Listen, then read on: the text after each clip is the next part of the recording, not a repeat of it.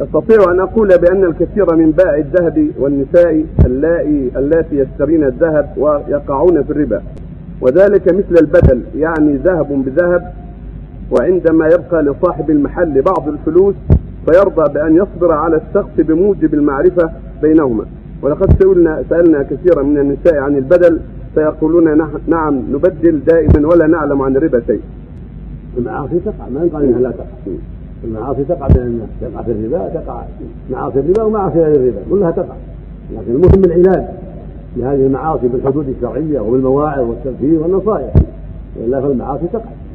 فالربا يقع من النساء ومن الرجال مع الصاغه ومع غير الصاغه فلا يجوز السكوت عنهم. من علم أنه يقع من المعصية ينصح ويوجه إلى الخير.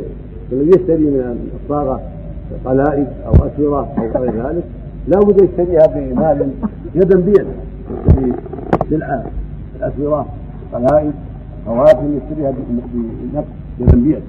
أو بنوع آخر غير النقد يشتري مثلا قلادة من الذهب أو من الفضة أو خاتم من الذهب أو اسوره من الذهب أو غير ذلك يشتريها بغير النقود. يشتريها مثلا بطعام يشتريها بملابس يشتريها بهيل بقهوة بسكر. إلى أجل ما في ما في بأس. لكن بالنقود لا لا بد يدا بيد. في ذهب لا بد يدا بيد. فإذا باع اعطته خواتم مستعملة أو اسهم مستعملة بشيء جديد لا بد يكون يدا بيد بثمن مثله وإلا فلتشتري منه جديد بثمن مستقل وتبع عليه الصمت بثمن مستقل. أما أن تعطي هذا بهذا وزيادة ما يجوز. هذا ربا. هذا جديد بهذا الصمت وزيادة جنيه جنيهين ما يجوز. فلا بد أن تشتري الجديده بثمن مستقل يدا بيدك من النقود من الورق. وإن كان بغير النقود غير إلى أجل بطعام إلى أجل بملابس إلى أجل لا بأس يعني مو بربوي.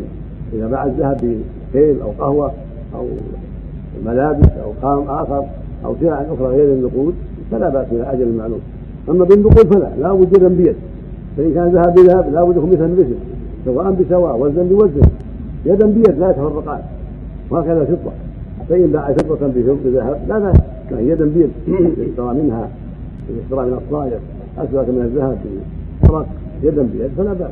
اما يقول رحوه بعدين تجيب لا لا لا بد بيد وإذا فعلته المرأة أو الرجل ينصح ويبين هذا منكر وعلى الهيئة والحسبه ان تقوم بهذا الأمر وأن تنكر على من فعل هذا الشيء ومن لم يغفر يعاقب بالأدب بالأدب والسجن والضرب إذا لم ينزجر عما حرم الله عليه.